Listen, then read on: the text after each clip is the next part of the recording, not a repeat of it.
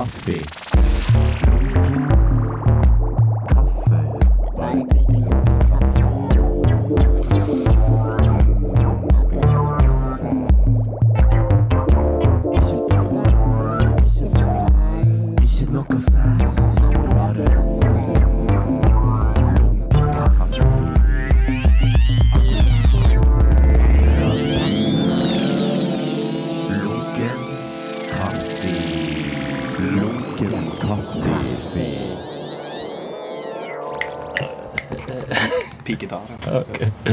Nei, men det er en bra start. Skal vi se. Ja, det er bra, det. Ja, god, eh, god fot. Hallo. Ja, for når, eh, når du gitt meg litt kritikk for eh, elendig lyd, så da hadde jeg en, brukt mobilen, tror jeg. Ja. iPhone 4S. Mm. Programmet heter Lunken kaffe. Det var en sånn sinnstilstand, liksom, metafor på en måte. Mm, på tegnescenen din. Eh, ja, eller egentlig bare livet generelt. At det er liksom helt greit. Altså, Folk spør jo eh, hvorfor er ikke kaffen din lunka når du får den servert, Ja. og sånne ting, liksom. Nei, det er jo metafor, regner jeg med. Ja, ja. Jeg forventer ikke at kaffen skulle være lunka. Nei, det, det er noen som har eh, okay. reagert negativt på at de ikke Ja, Men så, jeg tror det var egentlig Ja, og det var vel kanskje første episoden så, så begynte jeg liksom hver gang kaffen ble lunka, så skålte vi for å få en det, liksom. Ja, sånn, ja. Så det, Så det er en regel. det er en regel. Hvis jeg drikker opp før den blir lunka, da. Da må du få mer. Hvis jeg drikker opp den før den blir lunka, da. Og. Da må jeg ta liksom bare Det er bare sånn, ta kaldt vann i, liksom. Ja. Hive øl oppi. Som straff. Lunka øl, det er jo like drit. Ja, det er sånn. Men lunken vin Ja, det er romtemperert. Ja. Uh, Kommer an på hvilken vin nå. Hvitvin er jo ikke så veldig gøy. Rødvin. Rødvin, rødvin skal være kaldere enn rom. Skal de det? Mm. Vi drikker, hva er det de sier i Norge? De, vi drikker for varm rødvin og for kald hvitvin. Ok. Hva er så godt å drikke lunkent? Eh, vann. Jeg er Uenig. Ja. Nei, altså bra er det. Oh, ja, okay. Bra for kroppen. Men, ikke godt. Ja, sånn, ja. tar du til deg kjappe. For folk som bor i ørkenen, liksom. Nei, jeg tror ikke det. Hvem er det bra for, da? Nei, altså Bra for kroppen. Ok. Det Kropp. mer sånn Hopper. den tingen, liksom. Ja, ok. Er du sånn ernærings... Nei, nei, nei. nei. Absolutt ikke. Nei. Det er bare noe jeg har tatt med meg. Mm. I din reise i livet. Ja. Men da vil jeg gjerne si velkommen til Lunken kaffe, Alex Boucher. Takk for det. takk for det. Boucher. Hvordan er det du uttaler Boucher? Boucher. Boucher. Mm. Altså, er det fransk? Det er helfransk. Ja, er du helt fransk Nei, det er jeg ikke. Jeg er en uh, merkelig blanding av alt, egentlig. Litt norsk og litt tysk og litt fransk. Hmm. Skal jeg ta eh, de norske genene tilbake, så er vi i Nederland. Ja, vel. Har gjort slektsforskning. det er viktig å finne ut av alt. Ja, ja, men du, du er Sånn, er europeisk. Kan vi- Europeisk. Jeg er verdensborger. Ja, men det er fransk. Boucher, Mm. Alex, med X. Med X. Det er et veldig bra navn. Det er det første jeg reagerte Ja. når jeg hørte det. for første gang jeg hørte ditt navn, var i Lunken kaffe av Mike Deloya. Ja. Der jeg trodde Nei, jeg hørte det faktisk av Madeleine. ja. Men eh, da var jeg helt sikker på at du ikke snakket norsk. Det var det første tanken. Ja. Og det er kanskje litt sånn eh, Hva sier det om meg? Ja. Eller hva sier det om eh, Stavanger? Jeg vet ikke. Var utenlandske navn. Du skal ikke snakker norsk? Hvis du hadde hatt en navnelapp på deg hele tida, så hadde liksom folk hilst på deg. På engelsk. Ja. Eller fransk. Da vil jeg gjerne gå inn på det første eh, faste innslaget. Ja. Lunkent bekjentskap. Hei sann! Hvem er du? Vær hilset, min nye venn. Hvordan kjenner vi to hverandre? Så trivelig med nye bekjentskaper. Gøy.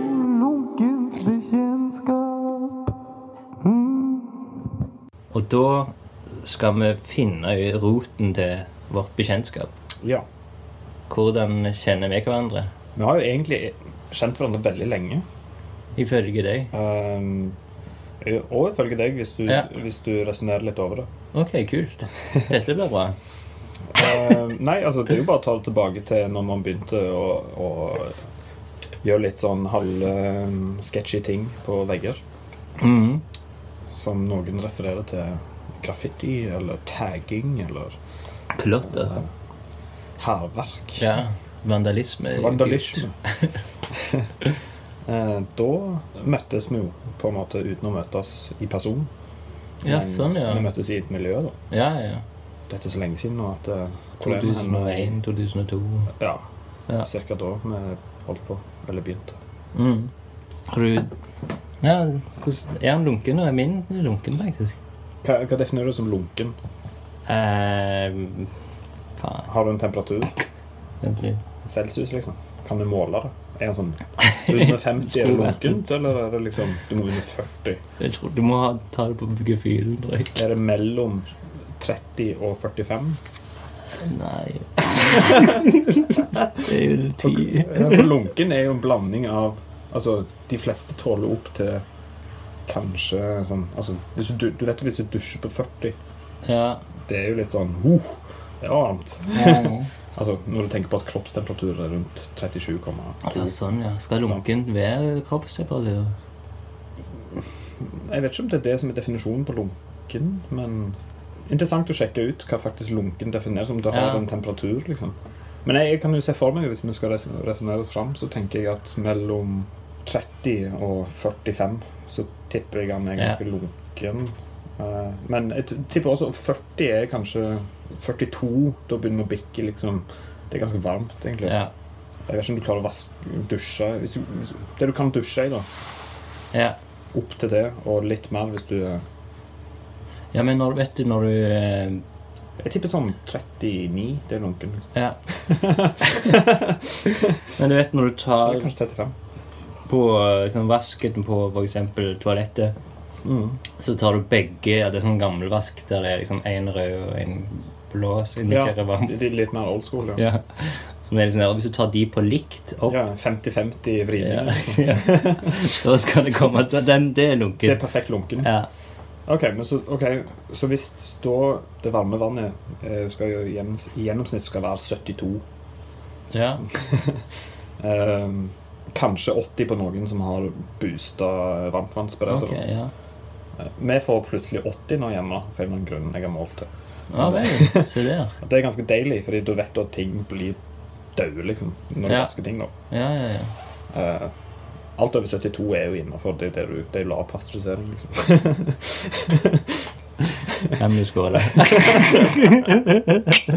Jeg føler den, denne liksom begynner å bli lunken. Men vi skulle hatt et eh, termometer, så skulle vi måle. Så hadde vi liksom fått en offisiell lunkentemperatur. Neste gang. Neste gang. Det blir neste episode, så har du, sitter du med term termometer. Ja, det hadde vært ganske gøy for lytterne. Ja. Sitte og måle og vente. jeg, jeg vet ikke om dette er egentlig er interessant for de som lytter, men eh, Jo, men altså, det er jo altså, Etter snart elleve sesonger endelig få vite lunkende grad. Hvordan graden endelig definisjon på lunken. Definisjonen på lunken. Ja, det er interessant. Det vi skulle komme fram til, da, er jo Ja, hvordan kjenner vi hverandre. Hvordan vi kjenner hverandre. Vi kjenner hverandre før vi kjente hverandre i den forstand av et møte eller har snakket mer enn to ganger. Vi er ikke bare, er ikke bare på hilsen lenger. Vi sier vi utveksler ord, Ja. vil jeg nå påstå. ja, ja. ja. Sånn er det jeg husker i hvert fall. Det, Ja. Mitt første møte med deg uten å være møte-møte, ansikt til ansikt, eller Ja. si noe, det var i 2002. Ja. Noe sånn. Mm. Eh, når jeg så hva du gjorde kreativt. ja, sånn, ja. Eh, og dette er jo 16 år siden. Ja. Så Vi har hatt langt eh, vi har et langt og turbulent uh, fargerikt forhold. Eh, en fyr jeg hang med nettopp, var jo, var jo Rex. Ja. Og han s- skulle, jeg skulle egentlig eh, Jeg skal egentlig ha han her. Nei, nei, men eh, jeg, jeg, han var, kom vel nærme deg med noe nød. Det var ikke så lenge siden jeg snakket med han. Stemmer. Ja.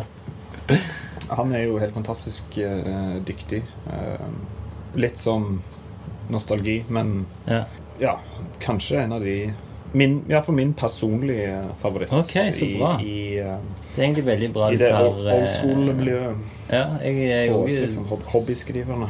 Altså, Rex bør absolutt få sin fortjente oppmerksomhet. For eh, Rex var den personen vi Mm. glemte i meg og Mike. Ja. Som er bare sånn Hva faen? Hvordan kan man ha glemt det, liksom?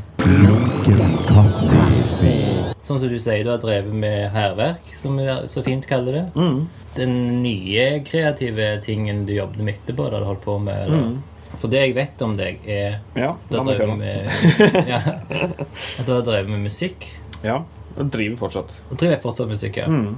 Men jeg vet liksom ikke hva og hvordan og Nei. hvorfor.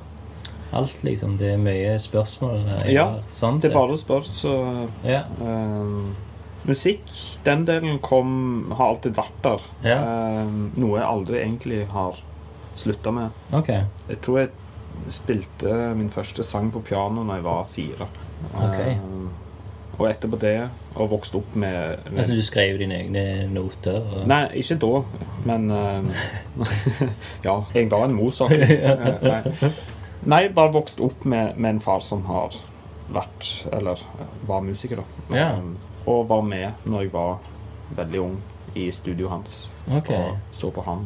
Er det derfor du har vært bodd så mange plasser, for han var en trubadur? Han var ikke en trubadur, men uh, jeg har bodd på mange plasser pga. forskjellige jobber mine foreldre hadde Ja. hatt. Så uh, når jeg ble født, så hadde far min vært i Sverige og funnet mor mi. og så hadde de skeia ut, og da de kom til Tromsø, så ble jeg født. Ok. Det høres veldig brutalt ut, men det, det yeah. var ikke så brutalt. Det var 80-tallet, liksom. Men det er en av de som er fransk? Ja, altså Momi er tysk, men det, det er fransk som hun er fra igjen. Hennes familie stammer jo fra Sør-Frankrike, Okay. så de migrerte jo til Tyskland Ja, sånn, ja. på sent 1800-tallet. Mm.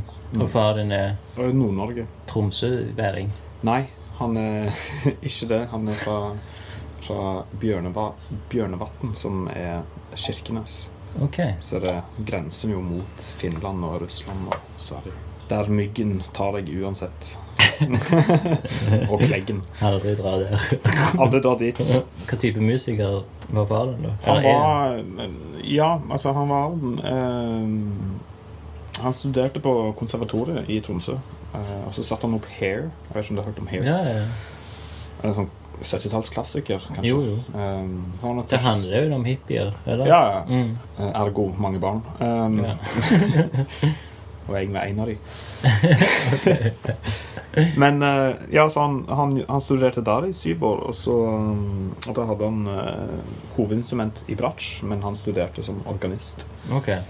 Så da var det jo de basic tingene du gjorde på et uh, musikkonservatorium, Mm. som er å lære deg noter, lære deg å spille, lære deg å spille sine ting, lære deg eh, komposisjon, lærer deg Ja. og når da han fikk seg jobb eller tilbud om å, om å starte da, Nå skal vi inn på litt pedagogikk her, følte jeg. Mm. Når han fikk tilbud om å bli med og starte Steinerskolen i Stavanger Oi på tidlig tidlig 90-tallet eh, Da var det altså i brakker eh, før Steinerskolen i Stavanger ble bygd. Eller de var i gang med bygginga. Ja ja. Så fikk han tilbud om det, og da hadde han lest eh, en haug med steinerpedagogikk. Okay. For han var på sånn kurs i Sverige eh, med steinerpedagogikk i Jern, Jernia. Eller Jerna, heter det kanskje. Utenfor Stockholm. Mm. Eller sør for Stockholm. Og det er der møtte, møtte moren min, Mm. som også var på å jobbe på kjøkkenet der På se på Jerna. Det var jo steinpedagogikk de hadde der. Det er Mm. det de har der fortsatt. Yeah. Dyrke økologiske grønnsaker, biodynamiske, okay. og har kurs og alt mulig sånn. Så far min dro på de kursene, møtte mor mi der. Han hadde etterfesten med rock'n'roll, og han var jo musiker, så da måtte han jo ha det, og det var ikke lov. Men han gjorde det for det. Mm. Og så kom de tilbake til, til Tromsø, og så ble jeg født. Og så når, da han fikk tilbud om å eh, start, bli med på Steinerskolen i Stavanger, så Mm. flytta han. Flytta hele Yeah. alle oss. Og da var vi allerede, allerede tre stykk i familien av ungene. da. Oi. Så vi flytta til Er du eldst? Nei, jeg er smack in the middle. Ok. Den de bryr seg minst om. Nei, nei. Jeg Jeg var godt mottatt. Ennå likt. Hva syns du at eh, du drev med her? ja. Ja, lang, lang historie kort, så er det um, Det er sånn jeg havner her. Ja. Av mine foreldres Mm. jobb. Så jeg har to foreldre som er, um, har jobbet i Steinskolen. Ja. Min mor jobber fortsatt. Veldig kult. Og der har du jo gått da i sånn tolv år. Nei, jeg har gått der ti år, pluss barnehage, så har jeg gått der i 13. Ja. Men etter 10. klasse så var jeg litt sånn lei. Så da var det offentlig skole. Mm. Ja, For du gikk ikke på Kristian Lystad? Nei. Nei, Men du var rett ved siden av? Rett ved siden av og så på de som slåss og ble henta av politiet. Og vi bare wow. Så du, piano, altså, det, det begynte du med? Ja, det var tilbake til det, ja. Mm. Hvordan driver vi med musikk? Ja, Det er jo litt av grunnen, da. Um, at jeg har vokst opp i det, Mm. og aldri egentlig lagt det fra meg. Begynte tidlig å spille piano. Ja. Min far var jo da en tilhenger av, av denne her steinerpedagogikken. Mm. Så det å finne ut av ting sjøl, det, var- det er veldig sånn emfisert, eller emphasized, hva heter det. De løfter det veldig fram. Ja. Så da er det jo naturlig at jeg Han sa Han, han les, leste jo noter, kunne noter, men når jeg skulle for eksempel da prøve å spille Beethoven eller Mozart eller Chopin Jeg kunne jo ikke lese de notene, så han måtte jo vise meg. ja. Og så viste han meg, og så gjentok jeg det. Jeg tror det var bare tre-fire år der vi holdt på sånn. da. Han viste meg, jeg fulgte. Okay. Og så skulle jeg ha en konsert når jeg var sju. Alene? Eh, alene, ja. Okay. I plasserskolen? Nei, nei, nei. Dette var, da var jeg med en annen som var en klassisk eh, trent pianist. da. Ok. Sånn pro-fyr, liksom. Han digresjon, men han, har, han gikk jo til en sånn klassisk uh, pianistkarriere og spilte liksom i sånn England og Italia og USA. Ok. Han gjorde en karriere ut av det. Dere var jevnaldrende? Ja, vi gikk i klasse okay. sammen. Mm. Men han ble trent som klassisk, Ja. og jeg ble ikke. Ja, sånn ja. Du ble trent litt sånn fri Litt Jeg hadde lyst til å lære noe av Mm. disse her klassiske stykkene. Ja. Siden jeg ikke kunne note, så var det veldig Veldig mye arbeid, da. Og veldig Mm. Trøttende å sitte liksom, og prøve å gjenta ting og huske ting. Og liksom, Hvorfor kan jeg ikke bare lese det? Ja, så, så sånn. sa far min da jo, men jeg kan lære deg noter. mm. Hvis du ikke har lyst, så, så drit vi i det. Så jeg sa jo da at eh, det, det er ikke så kjekt å spille andre sine ting uansett. Så det Jeg Ja. ikke. Det, Mm. Vi skipper det. Etter jeg hadde hatt den konserten, da eh, Da skulle jeg spille den klassiske Måneskinnssonaten. Det er en veldig sånn klassisk Beethoven. Ja. Eh, Jeg tror jeg catcha det. ja. Og så hadde jeg den konserten, og så I begynnelsen av konserten så husker jeg det var veldig mange eldre.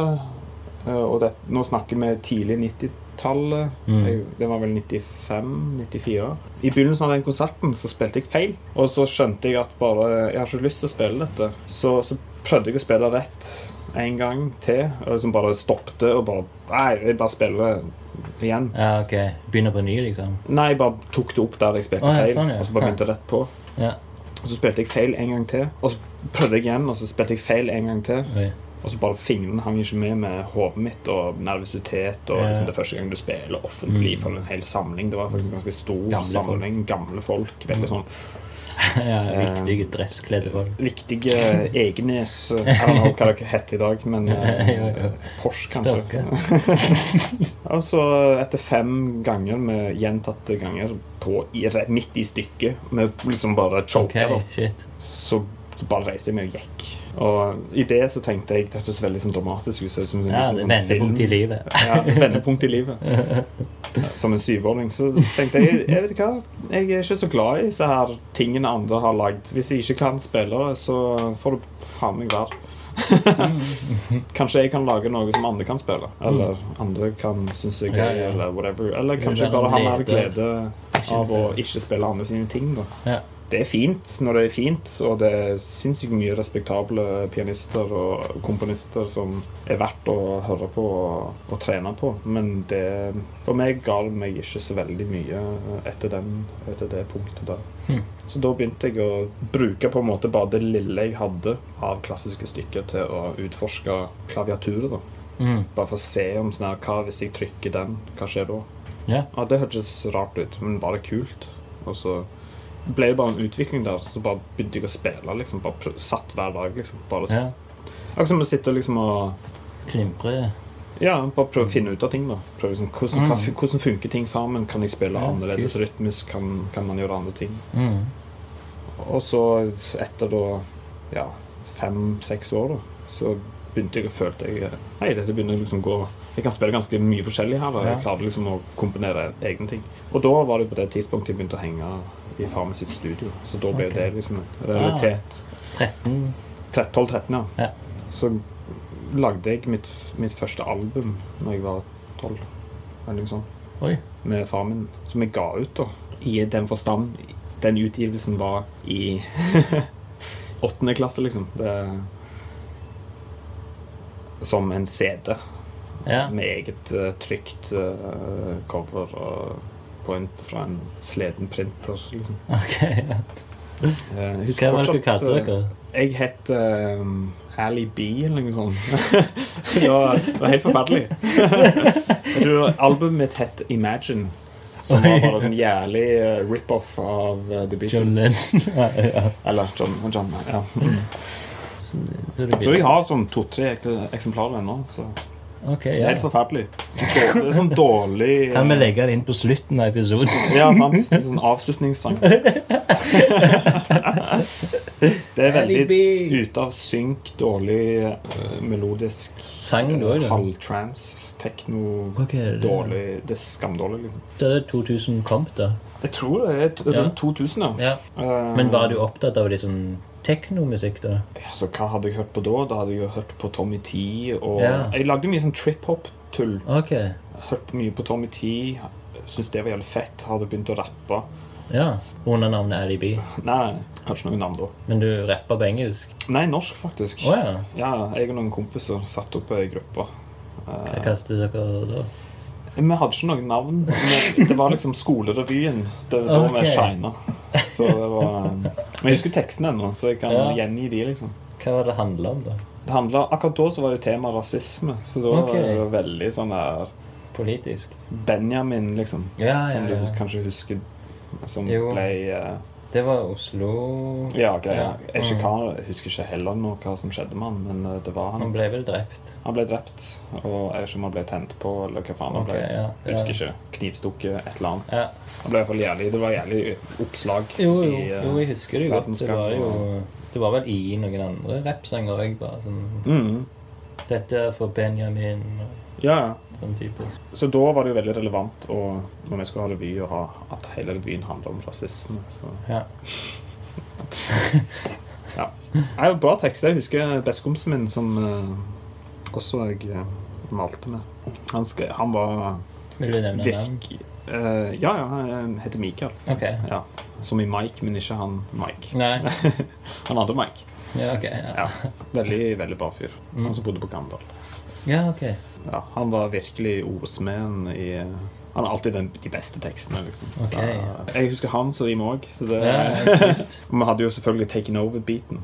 Ja, Vi hadde ikke egen beat, liksom. Vi Nei, brukte bare instrumentalen. Men du liksom. kunne jo lage litt piano. Ja, jeg kunne det, men jeg, eh, jeg hadde ikke. Så. Men er du, nå er du gått over til 14?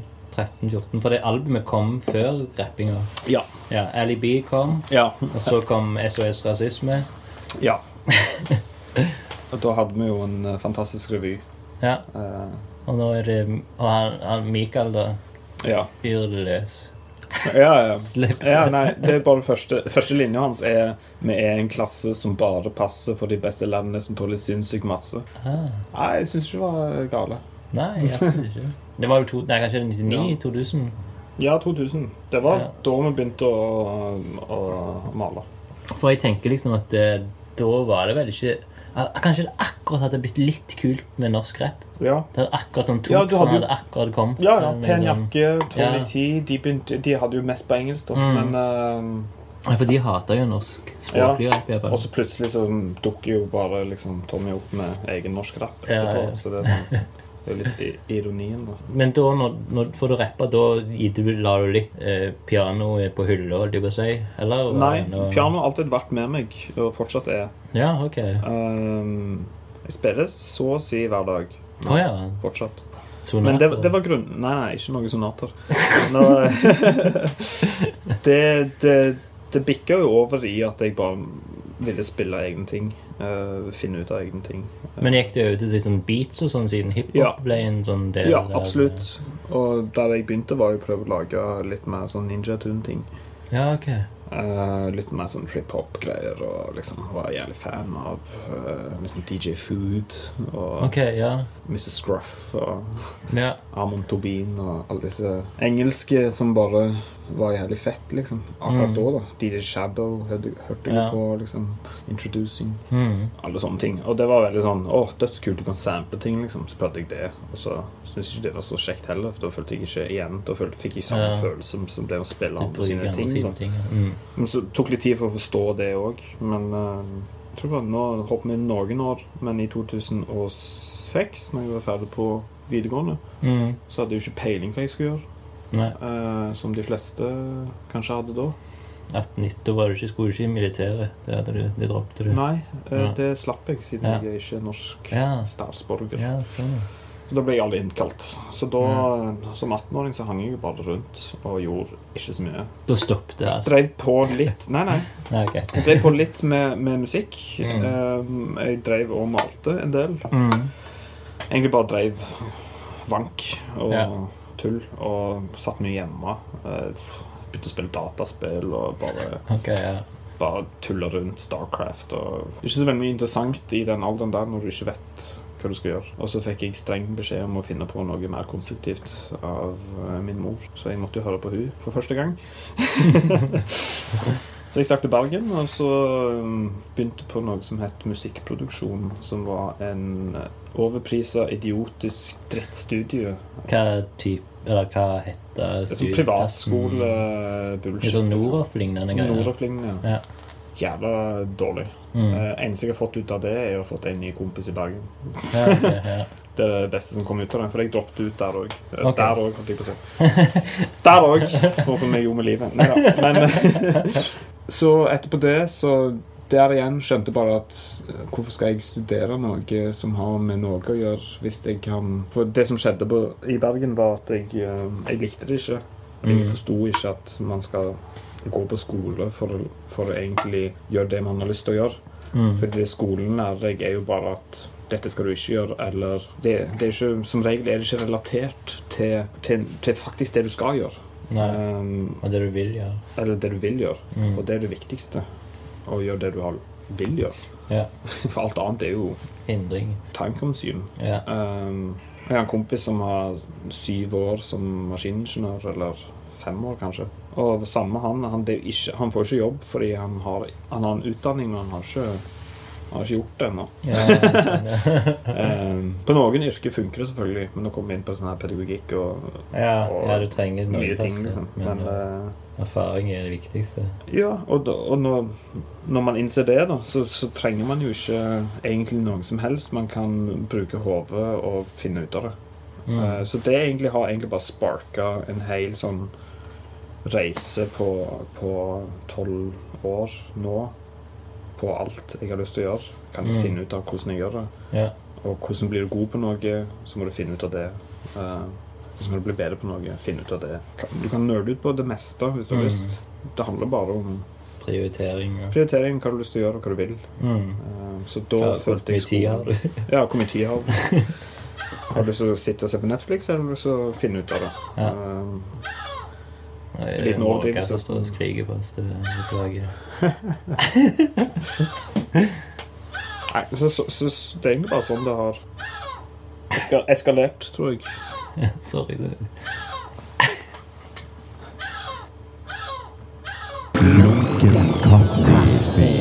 Etter Bergen. Um, ja, etter Bergen Da var jeg jo ganske lei av å gå på skole. Og det var egentlig det siste jeg har gått på skole. Ja. I en alder av 20. Og så har jeg vurdert tusen ganger om jeg skal begynne på universitet. Hva skulle du søkt da? Jeg har ikke peiling. Ja, hva skulle du studert, mener jeg? Ja, sant. Hva skulle man studert? Kan man studere alt, liksom? Ja, jeg føler det er sikkert en del som eh, studerer bare for å få Lånekassen-penger, liksom. Mm. Og det er det òg. Jeg har vel vurdert litt sånn ting som ikke egentlig har gitt noe sånn her veldig spesifikke jobber, da. Ja. Vurderte vel filosofi en periode når jeg begynte å bli interessert i det. Mm. Og leste vel fem år på Altså på fritid, da. ja.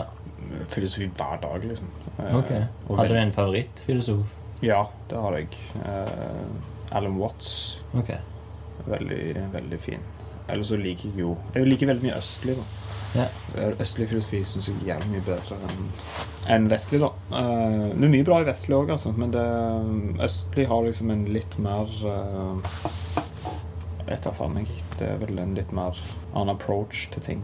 Som Det føles tyngre. Eller det føles Viktigere? Nei, ikke viktigere, men det føles litt mer gjennomtenkt. Okay. Det er iallfall det som har eh, vært appellerende. da. Ja. Mm. Uh, Også filosofi ligger jo viktig uansett. mm. Det er ikke feil å bruke fem år på det. Nei.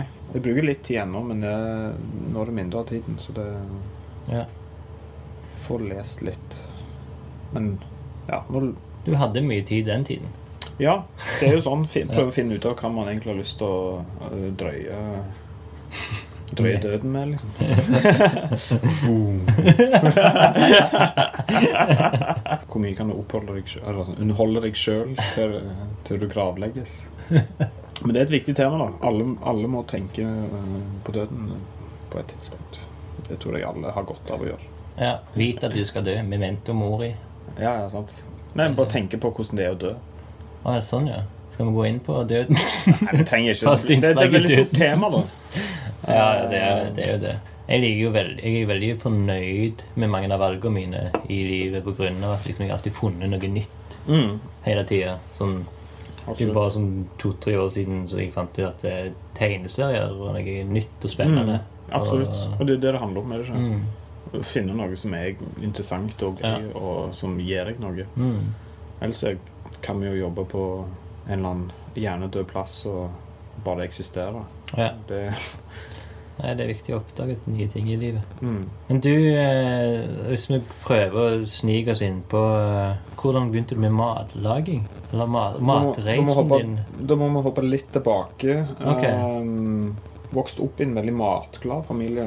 uh, Ja. Der mor mi har jobbet med mat veldig Mm. veldig lenge. Mm. Uh, når vi først flytta til Stavanger, så hadde vi et lite småbruk på Hommersåk. Uh, Ok, hva er det du sier? ideen, ideen med det var at når vi flytta til Stavanger, og vi skulle jobbe på Mariro og bruke en halv time hver dag si, for Ja. å komme oss dit vi skulle når vi skulle på jobb og i barnehage og skole. Og. Ja, Ideen med det var å ha et lite små, småbruk for å være uh, selvforsynt. så det var liksom kuer og Ja, vi hadde, vi hadde, vi hadde, vi hadde ikke kyr, men vi hadde, vi hadde høns, forskjellige Mm. typer høns. Perlehøns, vanlige høns. Okay. Uh, ikke den her Rost 306 uh, som du ser i butikken. Okay.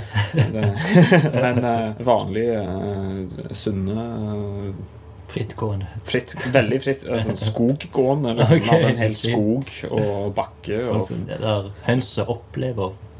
Ja, de fløy nesten, liksom. Okay. Det-. Da med gjess og, Mm. og katt, hund, um, geit. Vi hadde vel tre sauer en eh, periode. Okay. Grønnsaker, planter, urter. Altså alt mulig uh, som er gøy og fint å spise. Da. Og du syns denne botilværelsen var bra? Ja, det syns jeg. Mm. Det var veldig uh... Måtte du være med, stå opp tidlig og være med på ting? Nei, det gjorde vi veldig lite av. Ja, okay. uh, vi sto opp tidlig, ja. Vi sto opp seks hver dag. Men det var ikke Det var kun fordi det tok litt tid å komme seg til Mariro. men ja, vi, vi kjøpte jo så å si aldri mat. Vi hadde Nei. jo alt vi trengte, Ja, ja, liksom, så å si. Og så hadde vi jo gårder rundt som det vi ikke trengte. Bytting? Ja. Det vi ikke hadde. Vi liksom bytta egg mot agurker, liksom. Så fint. Herregud. Eh, det var veldig mye sånn. Ja. Jeg husker han Ove, som han het. Jeg husker faktisk navnet også. Trengte vi noe for han? Han hadde jo kyr og gris og Ok. Så var det liksom veldig Pølse-Ove? Ja. Nei, det var ikke pølsete. Nei. Men, eh, ja, ja. Så, så alt, så alt, eh, alt vi ikke trengte, eller alt vi ikke kunne få tak i sjøl, det, det kunne vi enten bytte oss til eller kjøpe. Mm. Så da hadde vi jo egentlig ingen store utgifter på det. Um, spiste liksom når ting var klart rundt omkring i, i tomten, på tomten. Hm. Så det, det var veldig gøy. Ja, Jeg lagde pannekaker av uh, gåseegg, liksom. Det, Mhm. det er et veldig mye større egg enn vanlig hønseegg. Det er jo liksom Er det en rare smak, eller? Nei, det smaker likt. Okay. Egentlig. Det er bare mye mer. Ja, Så du trenger to stykk til, til Ja. syv personer, liksom. Så da Da hadde du liksom ja, 40 pannekaker. Liksom. ja. Så det var din første eh, mat? Eh, Det var egentlig kanskje en av mine første sånne kulinariske Mm. Shit, det er viktig å, å, å se på de tingene der. Mm. Så har du kommet gjennom Steinskolen. Uh, Steinskolen, som du kanskje vet, eller kanskje ikke vet, har jo alltid hatt vegetarmat. Nei, det visste jeg faktisk ikke. Uh, barnehagen kjører jo Fra 80-tallet? Ja, ja. Mm. Uh, fra til 1900-tallet. Nei, jeg bare prøvde å tenke i din levetid. Ja, sånn, ja, ja, nei, men liksom Rudolf Steiner han skrev Ja, Når var det de starta? 1920. Ok. Mm. Mm. Ikke meg på dette, men uh, Nei, jeg tror det er det. Men det kan alle sjekke. sjekke opp, ja. Alle samtidig nå. Ko- Korrekt av meg på det, liksom. Nei, det korrekt skal være korrekt, så hvis noen sjekker det, så er jeg eh, så Det er kommer til å komme masse sånne kommentarer. masse e-mails og Ja. lesebrev og Ja. Nei, det visste jeg ikke, men det er veldig fint, da. Ja, jeg vet ikke, Det er ikke så lenge siden det har blitt sånn OK, vi må holde oss unna kjøtt. Ja. Den tanken har kommet. Mm. Det er jo en hel episode vi sikkert kan gjøre. Ja. det må bli neste sesong, tror jeg. Neste sesong, faktisk. Først må vi bli kjent med deg. Ja, sant. Nei, men etterpå det så um, Ja, så har jeg bare fått en veldig sånn Jeg tror ikke det egentlig har noe med mat og egentlig ingenting med, med verden å gjøre. Jeg tror det egentlig bare handler om å være interessert i ting som appellerer. Hvis noe appellerer for meg, så blir jeg interessert i det. Mm. Uh, hvis jeg blir interessert i det, så er det ikke sånn jeg ser fem YouTube-videoer og så Ja, det var greit, liksom. Det var sånn Da er det bøker som yeah. Jeg har tatt med en bok nå, men som handler om mat. Men Mm. Ja, den må vi komme til. Nei, for det, jo, du sier jo det til og med med når vi skal finne definisjonen av lunkent. Da Mm. virker det som du har gått inn for uh... det er det jeg også tenker. At det, bare det, det tror jeg bare livet generelt. Mm. Det er jo bare Hvis du ikke er interessert ikke er interessert, da Du må ikke være interessert, men jeg tror det er På et eller annet plan så er det tror jeg viktig å prøve å alltid bli bedre på noe. mm, Som en grunnfilosofi, da. mm, At hvis vi ikke blir det, så tror jeg bare vi stagnerer. Og det er ikke vits at vi egentlig er Hvor mange har vi blitt? 9-10 milliarder. mm. Um, en slags overpopulasjon. Men hvis vi ikke kan bli bedre på alt vi holder på med, da er det på en måte liksom Det, det er mange lag her som vi kunne, vi ja, kunne lett gått inn i. Uh, Men, men fokuset ja. er jo eh, akkurat nå deg. Ja. Det er Alex Boucher-karakteren. Men det er en del av, det er en del av Ikke personen, men Nei, nei, men Jo det er jo men ja. men absolutt. Altså, det er en del av det. hvor eh, Ja, jo, jo. Du, Um, det å gå inn i ting og gå i dybden Ja. i ting Mm. er, er um, Akkurat som du går inn i dybden i hvordan du lager tegneserier, eller noen går inn i dybden i hvordan de lager øl, eller hvordan Mm. de brenner kaffe på best mulig måte. Hvilken temperatur, hvilke bønner. Mm. Uh, skal, de skal det være fermentert bønner? Skal det være, hva skal det være, liksom? ja. Det må jo være Det er jo en slags um, Jeg hater å bruke det ordet, for det er ikke et negativt ord, men, men nerdete. ja. Um, Det er nok det det har blitt, men allikevel det det er blitt Ja. mer positivt. Med å, at det, når, du, når, når du liksom blir, går inn i detaljer, så blir det å nerde, liksom. Ja, sant. Og det, det er ikke en dårlig ting, det er en bra ting. Mm. Det er en, absolutt en bra ting, fordi vi trenger det. Jeg vet ikke hva overflatisk betyr lenger, fordi jeg, jeg tror ikke jeg har noe spesielt forhold til det utenom når jeg må si hei til folk jeg ikke har lyst til å si hei til. Men utenom det så tror jeg det er utrolig, utrolig viktig å, å være opptatt av ting.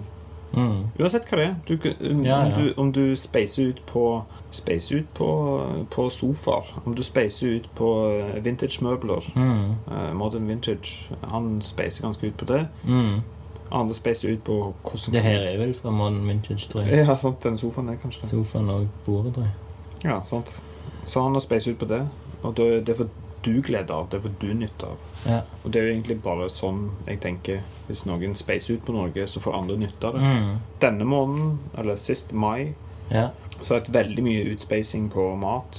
Uh, men ikke mat i den forstand det å uh, Ikke at jeg ikke lager mat, men jeg har spasa veldig mye ut på vitenskapen og kjemien i mat, Mm. uh, som har vært veldig, veldig gøy.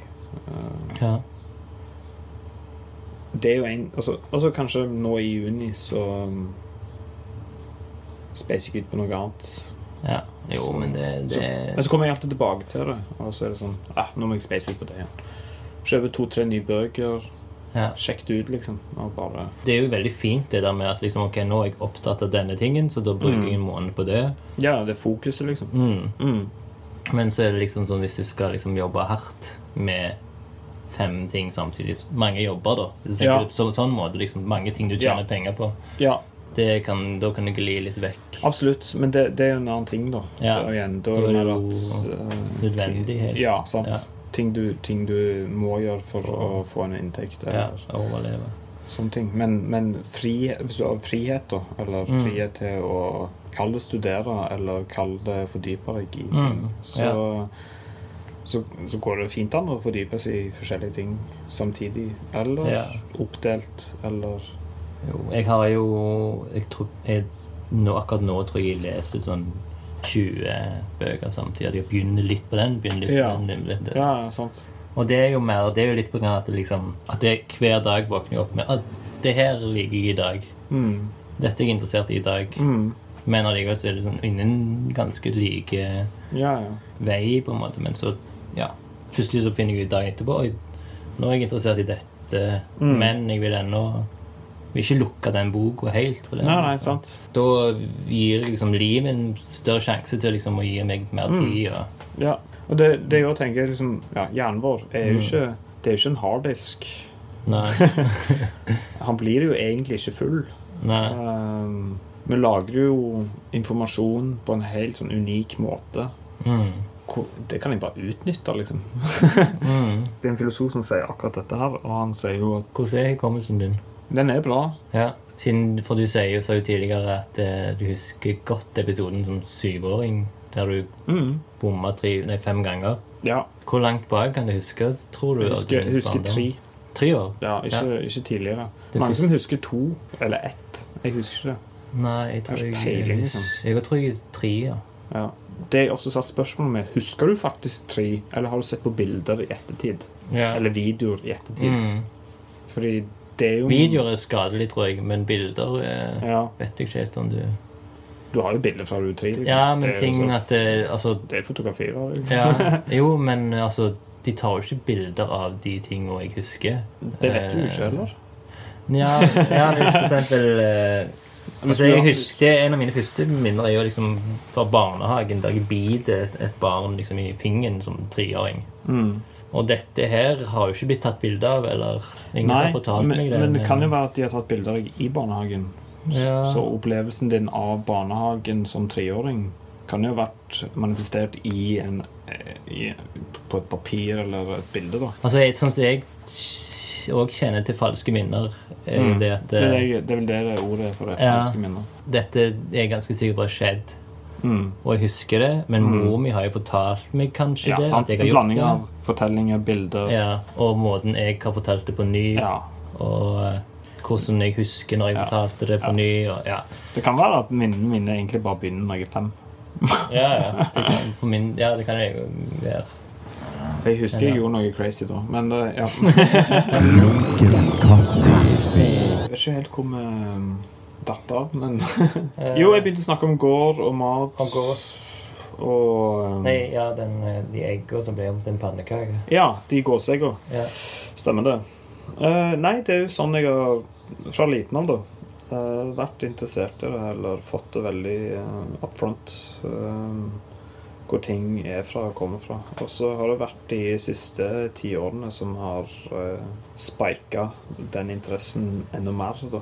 Skulle man kanskje gå litt dypere i det. Og liksom eksperimentert litt med å liksom ha forskjellige Ja, jeg husker jeg holdt på med litt sånn forskjellige livsstiler innenfor mat. Om det var plantebasert, eller eh, om det var raw food, eller alt mulig sånt greier. Yeah. Men det egentlig leder bare til at jeg begynte å jobbe som kokk eh, noen uker, og fant ut at det skulle jeg iallfall ikke gjøre. Ok. Hvor var det hen? Nei, det er ikke så viktig. Men, eh, Ok, det, var ja. det var en skikkelig kokkejobb, da, men Ja. jeg hadde jo ingen kokkeerfaring. Eh, utenom å ha stått og kokkelert hjemme i, eh, siden jeg var liten, liksom. Ja. Eh, Så det, det var veldig tidlig at du, okay, det her liker jeg å gjøre, liksom? Ja, Ja. mat er jo på en måte på linje med musikk. Ja. Uh, altså Instrumentene er jo på en måte ingrediensene. Uh, Ja. Mens uh, krydderet er på en måte tonene, som, som jeg liker å kalle det. Ja, ja.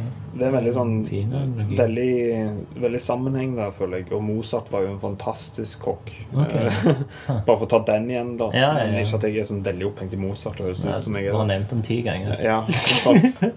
Jeg er ikke det sånn egentlig, altså. Det- Nei, som, som, eh, som jazzpianist, som jeg kanskje liker å kalle meg okay, ja. Det er der du kom etter Ninja Tune og Der kom jeg Eller det har jeg alltid egentlig vært? Okay. Der, og liker Ja, fordi... Piano har vært mitt, min, første, min første kjærlighet. mm. Uh, mat kom på en måte hakket etterpå. Ja. Så når du sa opp kokkejobben, slengte for Ja. i bakken Da, det var i 2012. Jeg tror jeg bare begynte å jobbe på en vanlig drittjobb. Det var slutten av Jeg hadde jobb som musiker på heltid okay. en periode da. Fra 2010 til 2013 så jobbet jeg eh, 100 musikk. Ga du ut de ting, da? Ja. Under navnet Ga ut en vinyl, Oh, ja. dobbel syvtommer, som han som er her i dette bygget, trykte og Dritmaskin? Dritmaskin, ja. Mm. Og så Ikke vinylen, altså, men coveret. Ja. Hvis jeg ikke trykker coveret. Mm. Det var jo også et minusprosjekt. Men, uh, Men av, hva- av alle minusprosjektene. Det var et soloprosjekt? Det er et soloprosjekt, ja. Jeg kan snakke om det om ti år, tenker jeg. Ja, ok. Så det Ja. var sånn «Au, Ja, uh, uh, det Sjekk ti år. Ja. Takk skal du pike meg ha. Um, jeg lurer på om jeg var i 2012. Ja. Da, du, da var du ferdig med å leve av musikken på heltid? Ja. Plata var trygt?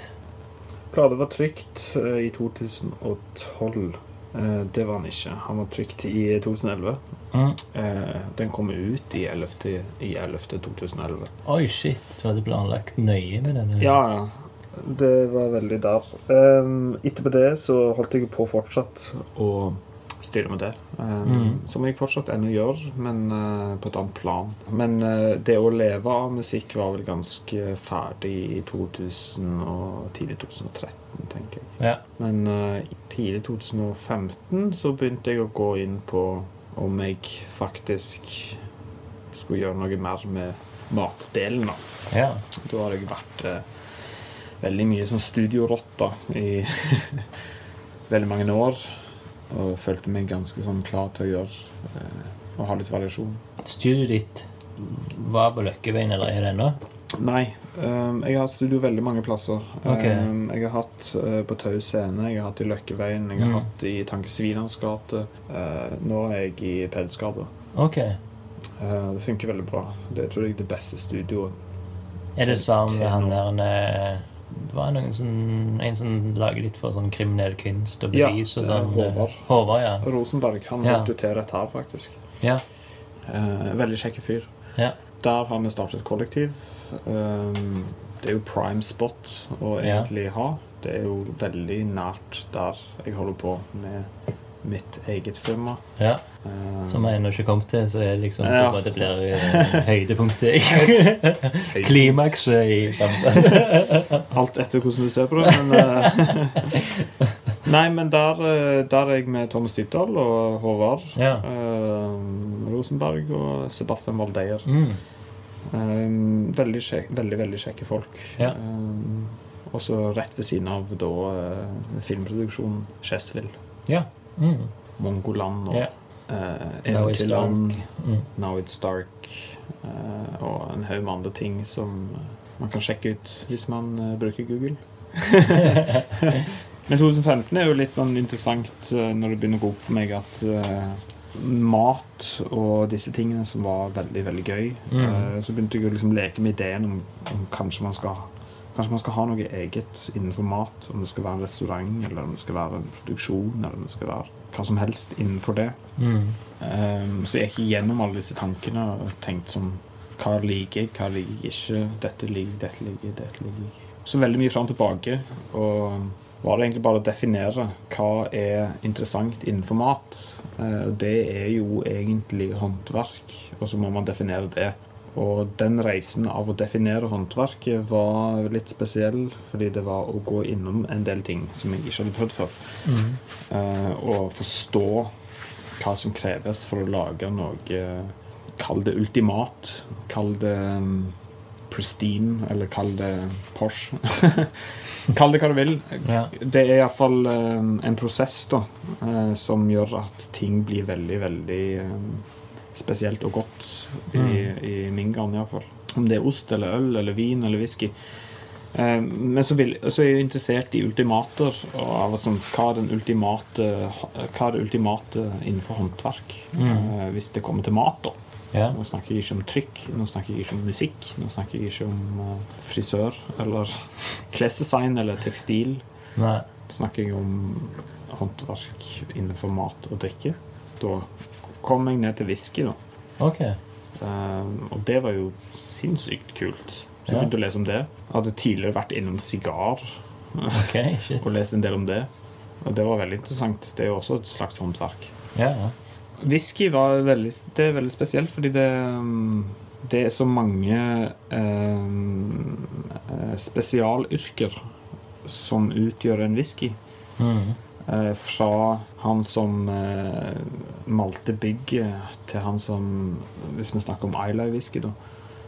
Til han som eh, røyker det med torven. Mm. Til han som destillerer det. Til han som eh, prosesserer det. Til han som smaker det. Til han som tapper det. Til han som blander det. Til han som Ja, sant. Det, Mm. til, til nivåer. Mm. Til han som en bøkker som med fem års utdanning bare for å lage tønner. Du har egne verktøy for å lage tønner, liksom. Det, og som referat til, til whiskeboka mi der det står um, en bøkker Det er frowned upon å låne andre bøkker sine verktøy. OK. Eh, du har dine egne verktøy. Du har de i en sleeve, liksom. Ja. Og Det, det er kult. ikke lån altså, Det er litt sånn det samme. da det, Hvis du sitter og tegner med dine egne penner, og du har liksom Mm. favorittpennene dine og favorittbrushene dine Ja. sånn. Ikke driver, Du tar ikke den av noen andre som tegner med det. liksom Det, du, det blir litt sånn dårlig stemning, tror jeg. Uh, jeg har fått et veldig sånn spesielt forhold til sånn kniver. Okay. Uh, når jeg kutter mye mat og Mm. uh, prosesserer mye mat, Ja. så, så får du et eget forhold til det du bruker. Eh, og spesielt hvis det er av høy kvalitet. Mm. Hvis det er liksom håndsmidde kniver. Ja, jeg har to av de fra Japan. Um, du, du ser håndverket i knivene. Du Mm. ser det er håndlagt. Du Ja. ser det er lagt mye timer i det. Mm. Begynte du å lage whisky? Nei, det gjorde jeg ikke. Nei, Tilbake til det stemmer. Ja. Eh, Du ble bare opptatt og interessert jeg ble veldig opptatt i whisky. Og så Mm. begynte jeg å smake på veldig mye whisky, og så fant jeg mine favoritter på det. Mm.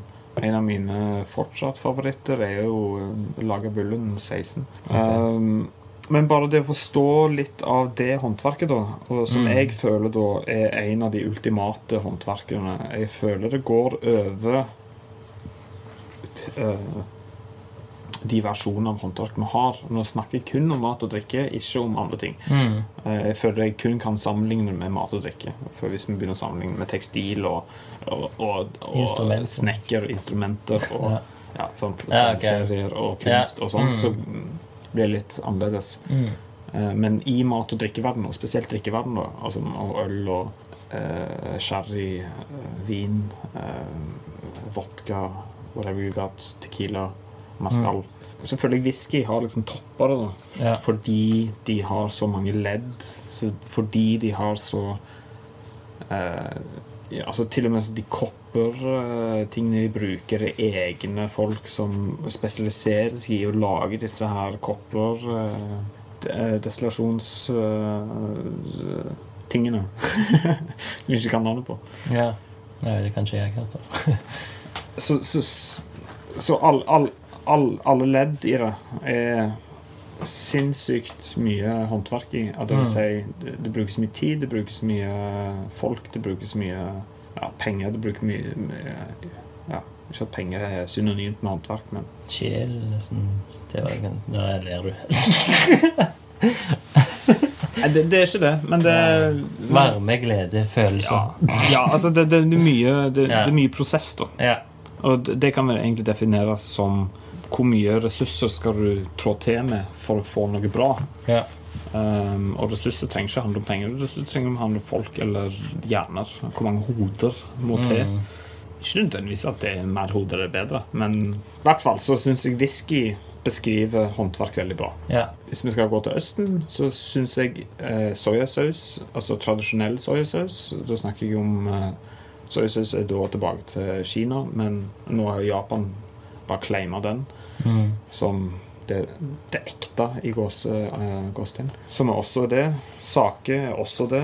Eh, miso er også det. Eh, mye fermentert fisk de lager, som kasubushi, er også det. Det er så mye håndverk, og mye av det baserer seg på tid. ja. Hva med sushi, da? Har du vært borti det? Ja, ja, ja. Det er jo ikke sånn helvete Det er et, eh, det er et visst helvete, men det er jo Ja, du har jo sushisjef som det tar ti år for du får lov å røre fisken. Mm. Liksom, eh, du må stå åtte år og lage liksom eh, japansk omelett før du får lov. Fem år med ris, og så Mm. tre år med omelett, og så kan du få lov å liksom begynne å liksom lukte på fisken. Ja. Det er jo et slags håndverk òg, selvfølgelig. Men der er igjen, det er jo tid og det å bli en mester i noe. ja. Og de sier jo, hvis vi skal ta, ta det litt tilbake, bare for å si hvordan blir du god på noe? Jo, OK, vestlig verden sier 10 000 timer. Mm. Og jeg regner det ut, da. Hvis du bare tar da La oss si du jobber Altså en vanlig arbeidsuke er 37,5. Mm. Eh, da jobber du fra døddere. Tar du det og bare plusser på bitte litt, så vi sier 40, og som har et rundt tall å jobbe med, så sier vi at 40 timer på ei uke Mm. ganger 4, eller ganger 52, da. Mm. Eh, 40 ganger 52. La oss si du ikke tar ferie. Ja. Og så er vi oppe i eh, en del timer. Det er ikke rent ut helt. Eh, jeg, jeg vet svaret, Ja, ok, det men, det. men svaret er jo eh, at jeg ikke klarer å huske hva 40 ganger 52 er. Men det finner vi ut av. Men mener du 10 000 er lite? 10 000 er minimum for å lære seg noe bra. eh, Ja, for for å bli god på noe. Ja.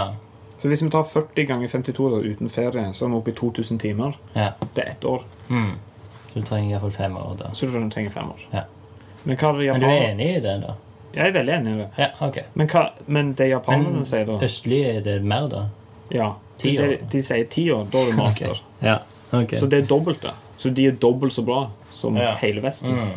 Vil jeg si da, dobbelt så bra i igjen gåstegn. Men det, det er jo litt finurlig, da, at de sier De sier 7000 timer, mens Mm. vi sier 10. Ja. Hvorfor er det sånn?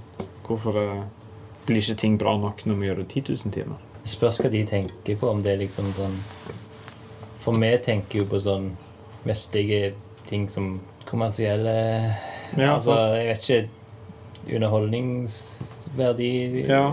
At det blir Kanskje. bra i sånn, det blir pop. Eller vet ikke. Mm.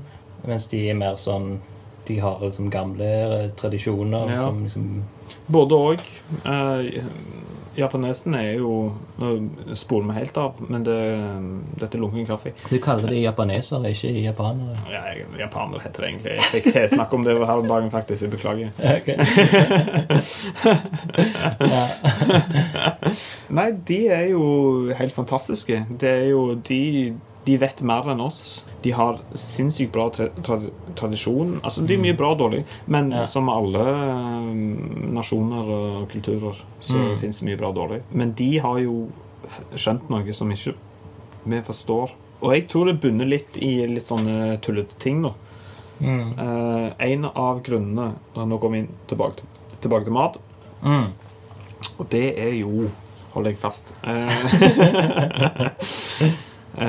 de fant jo opp den femte smaken, som ikke var godtatt i veldig, veldig, veldig mange år. Eh, I 19, eh, tidlig 1900-tallet. Hva er de fire, da? Ja, hva er de fire? Søt, uh, beiskt. Ja. Det er beiskt òg. Ja, bittert. Bitter, Så du har en til? salt. Salt, der har Mm. du det. Da har vi fire, da. salt og syrlig. Ja. Nei, jeg mener bittert. Nei, jeg mener Søtt, salt, syrlig, bittert. Ja. Det er fire, sant? Ja. Og de fant på De fant det femte. Som er sterkt. Umami. Umami! Umami. OK. Ja. Og ingen vet hva det er. Og alle snakker om det. Ja, da syns jeg umami. Er det sant? Ja, sånn her. Ja, men Jeg har aldri hørt om det, men Nei. Men du har smakt det sannsynligvis siden du ble født. Det var, det var ikke godkjent som en egen smak veldig, veldig lenge. OK. Jeg tror, de, jeg tror vestlig verden godkjente det på 80-tallet. Mm. Kanskje før. Litt usikker her. Men er det en litt sterk smak? Nei, altså Smaken til umami er Umami på japansk betyr uh, delicious, eller okay. godt. Smak. Ja Ja, det smaker godt. Ja, sånn, ja. Det det er oversettelsen av umami. Men umami Hva er godt? Ja, sant, hva er godt? Um, Hva, um, hva smaker til, Hva er tilfredsstillende i munnen din? Den smaken er liksom eh, Den er subjektiv, liksom. Nei, den er der. Den er objektiv. Godt, liksom. okay. Eller altså på samme, på, eh, på samme vis som at du, du eh, De fleste mennesker kan kjenne når ting er surt. Så kan, du, så kan de fleste mennesker kjenne når ting er salt. Mm. Så kan du kjenne at her er umami, men du, bare, du har ikke ord for ord for det, eller du kan ikke forklare det. Mm. Men du syns det, det er et eller annet. Det kiler. Ja, det kiler. Det kiler i kjeften. Jeg vet ikke om det kiler så mye. Nei, Men det, det er jo en smak som er er når du får vann i munnen. Vann i munnen. Det, det er faktisk eh, et veldig god beskrivelse. Ok. Ehm, det jeg kom fram til, da, det var at whisky er det, det ultimate håndverk. Ja. På grunn av alle disse tingene vi snakket om tidligere. Mm. Eh, så der er det jo en blanding av godt, godt craftsmanship og eh, tid Ja. som utgjør eh, produktet. Og så tenkte jeg, men hvordan kan jeg gjøre det? Skal jeg begynne med whisky? Jeg kan ikke begynne med whisky. Det, det, fikser jo, eh, det fikser jo de allerede som driver med det. Det er jo tullete å prøve å lage en, det beste whiskyen. Kanskje jeg kan prøve å lage det beste av noe annet. Mm. Så så jeg på hva folk gjør. Ok, øl. Eh, Det er ganske mange ølfolk. altså, mikrobryggerier har jo tatt helt av. Mm. På samme måte som kaffe har tatt av. På samme måte som vin tar av med naturvin og alt Ja. Så følte jeg jeg fant et lite sånn en egen oase med noe som ikke er definert som håndverk, Mm. men som kan bli håndverk. Ja. Da var det jo den eh, berømte hotsaucen som, Ja. som tok oppmerksomheten. Og så begynte jeg å sjekke ut det. Lese litt om det. Eksperimentere med det. Mm. Fant jo fort ut at tabasco er jo crazy håndverk. håndverk. Det er alt fra Altså, de bruker altså, Jack Daniels-tønner, bourbon-tønner, og lager i tre år. Så det er sånn OK, men skal okay. man gjøre det, liksom? men så tenkte jeg Det er jo ikke viktig. Lagringstiden. Jo, absolutt viktig. Okay, ja. Lagringstiden er viktig, men det er ikke viktig at de gjør det. Ja, sånn. Eh, de Den smaker jo ikke det han kan smake, Mm. uh, uten å disse tabasco. Når de tilsetter så mye eddik, som du har sikkert smakt tabasco, men det er jo veldig eddikbasert. Yeah. Mm. Uh, og det er jo fordi de bruker 78,9 okay. eddik Mm. og 2,3% salt. Men det, er jo, det kan gjøres bedre, tenker jeg da. Yeah. Uh, Iallfall i mitt hode. Så får du eksperimentere med det, og så finne ut av det. Så sånn ble den ideen dyrka, og sånn ble det et uh, firma. Og sånn fikk jeg meg en ny jobb. Mm. Eh, og det lever, lever jeg av nå. Ja. Holder foredrag om hot sauce og det, ja? Og stikker rundt i landet og står hver dag og, i fabrikken og finner opp nye hot saucer. Lager nye hot saucer. ja, ja. Men det er liksom Markedet i Norge er veldig lite, da. Markedet i Norge er um, Det er deg. Ja, sånn. I am that. Neida. Neida. Men eh, Nei, markedet i Norge er, det har kommet seg. Vi har jo kjent til de to som vi alltid har kjent til, og det er Chiracho og Tabasco. Ja. Eh, vi har ikke fått så veldig mye input på den fronten. Eh, det vi har fått input på av, av sausefronten, er jo ketsjup. Ok. og barbecue sauce. Ja, ja, sånn generelt. Sånn generelt på sausefronten. Mm. Og eh, igjen, man skal være forsiktig med å sammenligne seg med det, for det er jo ikke det. Nei. Men uh, sausefronten er ikke så veldig spenstig. eh. Når du sier dere, du jobber med flere folk? Jeg jobber med to andre. Ok. Uh, en arkitekt eh, Ok. og en uh, Jeg vet ikke hvordan jeg skal beskrive han, men han er hippie-økonom, mm. kanskje. Ja. Mm. Som også er veldig interessert i mat. Alle er interessert i mat. Ja. Så det, det er egentlig sånn det starter. Og det er sånn som du har kjent lenge? Som Nei. Eh, altså Han ene jeg kjent en stund. Han andre møtte jeg vel på en, eh, på en uh, matsafari. mm. Mm. Men eh, hvordan kom dere fram til navnet, da? Midsummer. Det var veldig mye fram og tilbake. Vi hadde et annet navn først, som var tullete og eh, veldig Jamaican. Ok. Uh, da het vi Bonfire Massive. Ja, okay. Det var vel egentlig fordi at hele opplegget begynte med at vi begynte å grille utenfor Handra, og så lage saus på det. Oh, ja. En idé om å få mer smak på det du holder på med. Mm. Vi prøvde å komme fram til et navn, og så tok vi det først når vi stifta AS. Altså, så var det ikke er så- AS? Ja, ja. Ja. Men så var det ikke så gøy å liksom si det til folk. da, Ja, hva, ja, hva, hva, hva er dette? liksom? Så nå er det Bonfire Massive. Ja. Det er Massiven som er litt sånn uh... ja, eller bare sånn der Jeg har jeg aldri vært fan av å kalle ting for det det er. Ja, sånn, ja. Og Bonfire, ja, du har grilla det. ja. Altså Det, det er nok av obvise ting, liksom. Ikke en spade for en spade. Nei. Eh, så nei, det var bare sånn, egentlig. Og så, så var det når vi satt i 2016, så uh, hadde vi fyrt opp grillen og hadde uh, habanero på grillen. Og så bare slo det oss, og dette var på, dette var på midtsommer. Altså midtsommers uh, sankthans. Mm. Så slo det oss at hm, kanskje vi skal bare kalle det for det vi holder på med nå. Ja, det var jo rett der, liksom. ja. Og så har det blitt et navn som egentlig beskriver veldig mer flere ting enn enn bare det som det symboliserer. At det, det den lyseste dagen. Mm. Uh, men det passer veldig fint, fordi det, den lyseste dagen er jo når vi faktisk mottar chili. Uh, Ah. Men også som regel Midtsommer minner jo om varme. Ja, ja. Du kan dra det til de assosiasjonene. Mm. Den lyseste dagen, det er jo liv. Det er jo ting blomstrer, ting kicker i kjeften. Nei, så sånn skjedde det. ja, kult. Og nå har det holdt på i to år. Ja, samme toårsjubileum nå Ja. i juni. Mm. På midtsommer. Mm. Og så blir det etterfest på, eh, på Øst. Og eh, båltenning På tau. på Tau. Kom og få gratis øl 23. juni. Gratis øl, da. Ja, Ja, for det er en skikkelig Det er som en åpning, liksom. En uh, det er en event, liksom. event, liksom. Mm. Vernissage, nesten. Vernissage. Ja. Men da har du lagd en ny Da er det en eh, toårsfermentert saus. Ah. Som, det var den første vi grilla. Okay. En av de første vi grilla. Ja. Eh, Den datoen 23. eh, Altså midtsommer. ja. I juni for to år siden. Kult. Som har ligget og fermentert siden da. Som vi nå setter og har tatt på flasker. Så nå, nå har du jo den T-skjorta på deg, og det er chiliplanten som er på er Ja. det, Hva heter den chiliplanten? Den chiliplanten, hvis du virkelig vil vite Ja. Så dette er en uh, cayenne. ja. Vel. Som er en uh, chili-type, da. Uh, den er ikke i habanero-familien, Ok. eh, hvis det sier deg noe.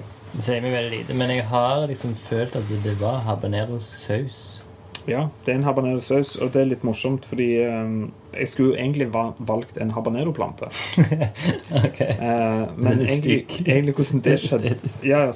Når, når jeg satt og jobbet med designet, så Ja. var det at jeg måtte finne noe som, eh, som så bra ut. Ja. Eh, så lekte vi med tusen forskjellige fonter Mm. og prøvde å finne ut hvordan, hva er uttrykket.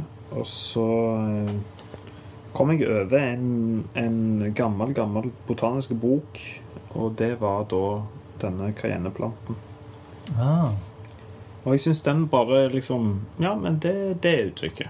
Eh, Jeg, Ja. så på andre, jeg så på selvfølgelig på andre. Mm. Um, Du speisa ut på bildene. Ja, sant. Så det har ingenting å gjøre med at jeg hadde lyst å ha feil chili-type på, på, på planten. Uh, men det var bare En fun fact.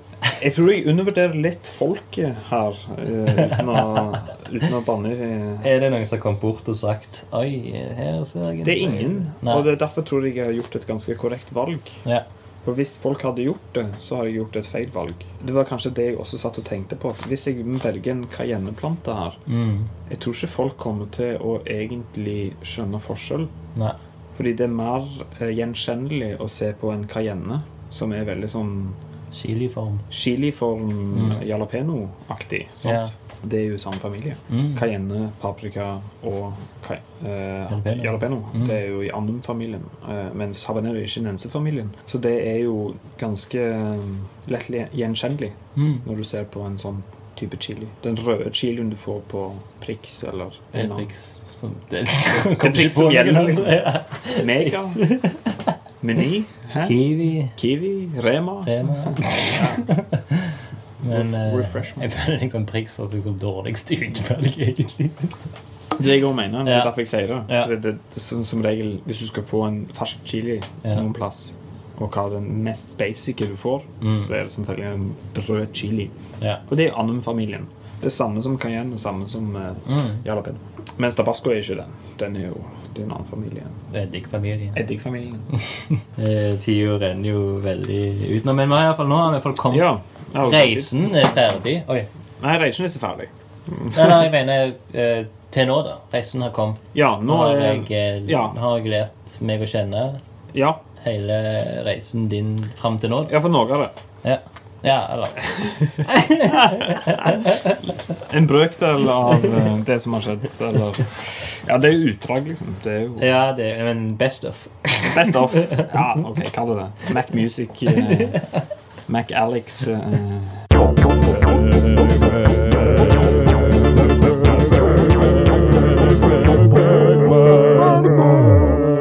Så du Du valgte så som i et spegel eller Through a dark glass darkly. Ja. Ikke spør meg hvorfor. Nei, eh, jeg, det er litt lite titler igjen, og det var vel mer et Jeg pressa deg vel til et svar. Ja, det var litt eh, Det var litt uh, kutte av fingrene. eh, eller get the fuck out of here. Um, Men ville du hatt en engelsk eller norske eller svenske? nei, men det egner en de. Men eh, del to av Bergman-segmentet eh, Har du noen sånne folk som du har bare sett på som at dette her er noen du enten vil følge eller Nei. interessert i Interessert, ja. I, I en sånn høy grad, at du Absolutt. Det er jo um, folk eller ting eller um, hva det måtte være. Men jeg har aldri vært noe sånn religiøs uh, på, på, på Person. ja, personer. Mm. Uh, jeg kan se opp til de, eller kanskje ja, jeg beundrer de. Ja. Uh, Det er viktig, føler jeg, da, at, det er, at man ikke blir uh, obsessed med hva andre har gjort. Det, Mm. Da vil du jo sannsynligvis prøve å bli som det eller de. Men sånn som når du sier de her med de 10 000 timene, eller de 20 000 Ja. Er det jo sånn at du ok, nå jeg må gå gjennom disse timene? Nei. Det er det filosofi på, på hva som kreves. Mm. Um, om jeg har gått gjennom 10 000 med, timer med å, å lage hot sauce? Nei. Har jeg gått gjennom uh, 10 000 timer med musikk? Ja. Mm. Har jeg gått gjennom uh, 10 000 timer med å tegne? Ja. Har jeg gått gjennom Altså, det rart det der at man eh, går gjennom mange ting, men det er jo ikke alltid det man ender opp med å gjøre. Uh, fem års utdanning er jo basically 10 000 timer Ja. Og da har du Det er en eh, master, liksom. master. Mm. i Norge. Ja. Inn i Vesten. Eh, om det er en master i Japan? Nei. Det er jo bare en cap på der, de, der det er allment akseptabelt å si at du er god nok. Mm. God nok som i den forstand at her kan du, kan du det. En av de tingene jeg liker med Bergman, da, Mm. det er at han, eh, han har en eh, fortelling der han ser han møter på en, en jonglør Mm. som eh, bruker er liksom helt besatt av å få å, å fungere med fire baller. Mm. Og få den ene ballen til bare stå i lufta. Mm. Og han blir så besatt av det her at han liksom klarer ikke å gjøre noe annet og blir liksom Mm. innlagt på syk. Oi. Og på syk så får han en psykiater som lar han fortsette. Ja. Og det og Bergman sier at han møter han sjongløren og bla, bla. bla. Mm. Og at han har sin egen greie. Eller hadde, da. Han er jo død, selvfølgelig. Eller ikke selvfølgelig. Han hadde blitt 100 i år, da. Mm. Men eh, da sier han at eh, han nok hadde noe sånn med at eh, han ville lage en film 90 minutter med bare et ansikt da, helt tett inntil. At, men han klarte det aldri for, Mm. liksom, på grunn av distribusjon, få penger til å lage film. Ingen ville sett det, bla, bla, Cool. Har du noe sånt? Uoppnåelighet. Du søker mot, prøver på, men eh, innerst inne vet du kanskje ikke det går, eller, eller bare at det er liksom Ja. noe som får deg til å fortsette. Driv. Ja, det, det er jo én ting. Altså, det, det å fortsette med, fortsette med ting er jo én ting.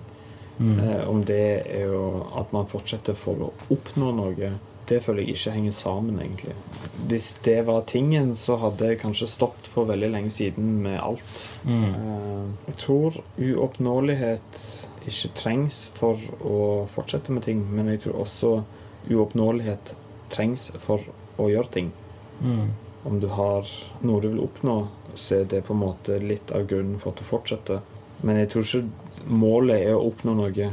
For hvis det hadde vært det, så tror jeg ikke man hadde gidda, egentlig. For jeg tror ingen hadde vært lykkelig med å få til alt. Nei. Hadde vi fått til alt, så hadde vi ikke prøvd engang. Nei. Så sånn, jeg vet folk det, så bare gjør det, og så er jeg ferdig. Ja, ja. Det jo Så ja, svaret er ja og nei, men det ja. Altså, ja. Du kan sikkert oppnå et goal, og det er masse goal, eller mål, som, Mm. som er gøy å oppnå. Eh, Det å lage sin første tegneserie, eller skrive sin første bok, eller gi ut sin første plate, eller ha sin første utstilling. Mm. Eh, Hvis det var poenget, så er det ferdig etterpå det. ja. Eh, Hva gjør at du fortsetter? Det er jo det som er spørsmålet. Mm. Jeg har jo på en måte kommet på en måte over den der Jeg hadde knekken med at jeg hadde mål, i en bok. Mm. Og det har jeg liksom gjort nå. Så egentlig så kunne jeg jo vært fornøyd. Ja, bare fått en vanlig jobb og daua. Ja. Bare for å ta det helt eh, ja. ja. Jeg har jo tenkt sånn at jeg, har på en måte gjort jeg er egentlig, Hvis jeg dør nå, så er jeg på en måte fornøyd. Mm. Jeg har liksom gjort det jeg ville. Men allikevel så fortsetter jeg, og jeg vil Mm. jo liksom bli bedre. Jeg vil liksom Mm. øh, gjøre nye måter å, Mm. gjøre disse tingene på. ja. Men allikevel så er det sånn Jeg kan stoppe fordi jeg har på en måte oppnådd min barndomsdrøm. på en måte. Mm. Eh, altså Jeg hadde to barndomsdrømmer. Liksom lage tegnefilm, det har jeg gjort. Og lage Mm. tegneserier. Og så begge ting er liksom Som en femåring så tenker jeg liksom dette er jeg som gjør å gjøre. Mm. Og brukt 30 år på det, liksom. Så altså, jeg har heller ikke den uoppnåelige, men jeg liker tanken å ha det. Jeg liker liksom, det er derfor Ja. jeg, ja, ja. jeg liker Bergmans måte. Og han var sånn som jobbet hele tida. Og det som jeg sliter med nå, da, er jo det her hva, hva gjør du i fritiden, liksom, hvis du ikke bare jobber? Mm. bare, og det er jo en bra ting. Mm. Og liksom søvn er så sykt nyttig og viktig. Mm. Og du finner ut tiden er liksom mindre og mindre og mindre. Mm. Da må man jo egentlig, altså sånn som jeg ser det, er at uh, alt i livet må man begynne å trekke ned i, i litt grunnleggende ting. da. Og det Skal man fortsette å leve og være lykkelig, eller skal man fortsette å leve og man ikke så, man bryr seg ikke om å være lykkelig? Eller skal man fortsette å bare eksistere, eller skal man Hva er, hva er målet med å eksistere i Altså, du sier du er 34. 35. 35, sorry. Um, ok, la oss si du lever til du er 95, da. Da har du jo 55-60 år. Du har 60 år, liksom, Mm. igjen. Og det er så, det er så veldig vestlig hvor mange av de er gode? Ja, sant. Det, liksom Det det, det, er det som er. Og hva vil du fylle de 60 årene med, da? Mm. Um, og det er veldig vestlig å se på det som Jeg prøver ikke å være noe hippie her, altså, men Mm. de 60 resterende årene kan være greit å finne på noe, liksom. Bare sånn rent convenient. Men du, du jobber mye. Hvor er... Jobber veldig mye. Ja. Men jeg, jeg er jo mer, mer Tar du deg sånne pauser, chillestunder? Legger du av tid til liksom å Jeg prøver på det. Altså Mm. mine mine av kyllinger Eh, Mine chillinger. Høres ut som jeg har fått barn med, ei høne. Men eh, de går jo mer ut på å være sosial eller snakke med folk og, og liksom få input. For det er jo egentlig det jeg føler det er òg. Det er jo input og output, hvis du driver med sånne ting som, som jeg gjør, og du gjør, og mange andre gjør. Mm. Og egentlig alle gjør. Eh, for å gi output så må du ha input. Og det er mange som sikkert kan argumentere mot, men all kreasjon kommer fra en plass. Eh, Om det er fra samtaler, om det er fra å spise noe, se på noe, høre på noe. Mm. Alt kommer fra en plass.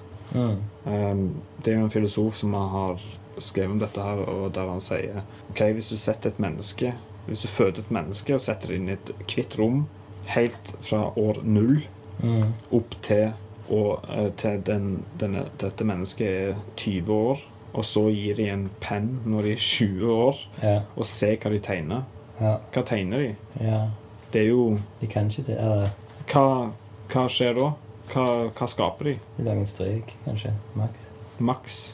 Ja. det, det, det, det er mange argumenter mot det, men det eh, Å ja, det bare kom til meg i hodet. Mm. Ja, det gjorde sikkert det, men det, det er også Det er en origin for det meste.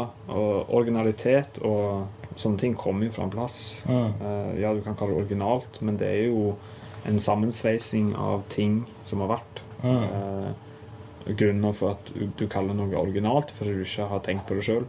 Mm. tar det til litt basic ting, så er det jeg er mer tilhenger av å Jeg er veldig glad av å finne ut av ting.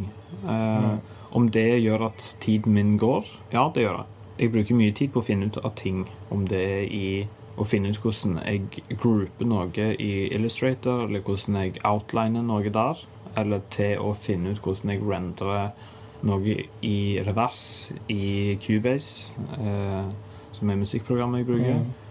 Om det er til å finne ut hvorfor løk smaker bedre når du steker det. Jo, pga. at sukkerne brytes ned, og du, liksom, du skaper en Maillard-reaksjon, og liksom, du har omdanning fra enkle, enkle sukkere til eh, Eller fra stivelse til sukker til enkle Mm. sukkermolekyler. Alle disse tingene du finner ut av, det er veldig gøy. Det, Mm. det føler jeg det er verdt å Ja. Finne ut av. Om det å finne ut av hvorfor eksisterer vi, hvorfor leser vi, hvorfor hva, hva, Hvorfor lever vi? Eh, Å finne ut av ting, da. Mm. Um, hvorfor tok hun der franske kjemikeren og testa eh, uranium, eller hva det var? Hvorfor fikk hun kreft av det, men hun fikk nobelpriser? Mm. Jo, men hun fant ut av det. Hun brukte så mye tid med dette stoffet og fikk kreft og døde. Men hun fikk nobelpriser, og nå vet vi i dag at dette er et eh, kreftfremkallende stoff. Ja. Og det er radioaktivt. Derfor bruker vi ikke i kremer, som de gjorde da. og det er jo fantastisk, for noen har brukt den tiden. ja. Sant? Det er det jeg det tenker. er mer sånn Hun ofra seg, da. Ja, det er det jeg mener. Ja. Det, jeg har ikke noe imot å ofre meg for å finne ut av ting. Ja. Mm. Jeg syns det er en god ting. Fordi vi er ikke alene, liksom. Vi skal videre Mm. sammen. Ja. Uh, og hvis noen kan skrive meg om Jeg sier ikke at dette kommer til å skje. Å, det var han som fant ut av det, liksom. Ja. Fordi han brukte liksom 7000 timer.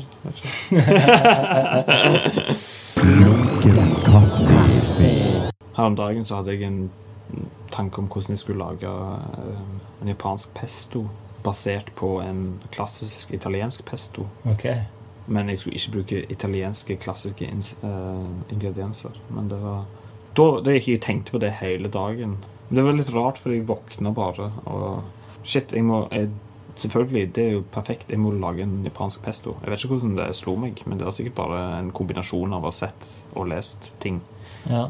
Så da ble det en sånn obsession på å finne ut av hvordan jeg kan gjøre det. Så måtte jeg begynne å eksperimentere og bytte ut ingrediensene, selvfølgelig. Så det var liksom the basic Det var den samme, samme tilnærmingen, men bare en helt annen oppskrift, egentlig. Men det, det er sånn, eh, sånn som den boka eh, Jeg vet ikke om jeg får lov å snakke har ennå ikke nevnt den, men ja, vi kan ta opp Ja. den. Bare, nei, bare ta- bare ta den kjapt, egentlig. Fordi Mm. Det er sånn veldig um, essensielt for alt jeg egentlig gjør. da. Mm. Det, det å gå inn i ting. Og dette er en uh, veldig tullete bok, men en veldig viktig bok. Hvorfor tullete? Uh, nei, Det ser veldig streit ut. Ja, uh, exactly. Og, og veldig oversett, da. Og dette kan jeg snakke veldig lenge om. Men, uh, og det henger sammen med veldig mye samfunnsmessig, kulturelt, pedagogisk. Det henger sammen uh, kunstnerisk. Det henger sammen Mm. med egentlig alt vi holder på med. Og dette er en bok fra 80-tallet. eh, kom første gang ut i 1984. Okay. Det kunne egentlig vært om hva som helst, men akkurat denne boka her er skrevet om mat. og den heter On Food and Cooking. The Science and lore of the Kitchen.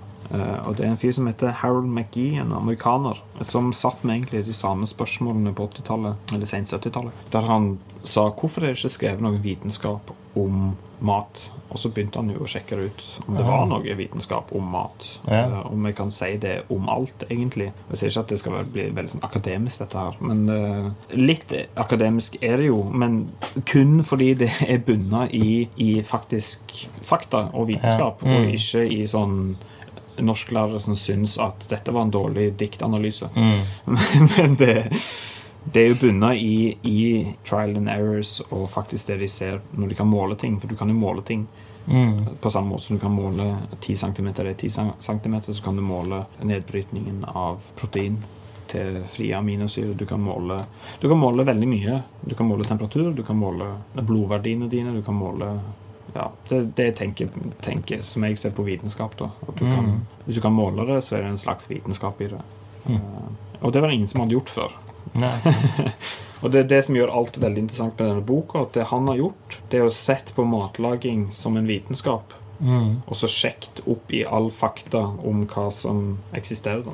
Så han har tatt all litteratur som skrev om mat, Mm. og så gått igjennom det på ny. Og da tenker vi den første kokeboka. Vi har en eldre en, men den første som er sånn virkelig kokebok, er fra 1600-tallet.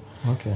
Eh, og det er jo en, en fransk, og deretter mange andre franske og veldig mye vestlige kokebøker. Og så er det noe fra Østen som er veldig sånn løst. Eh, men han har sett på alt og tatt alt.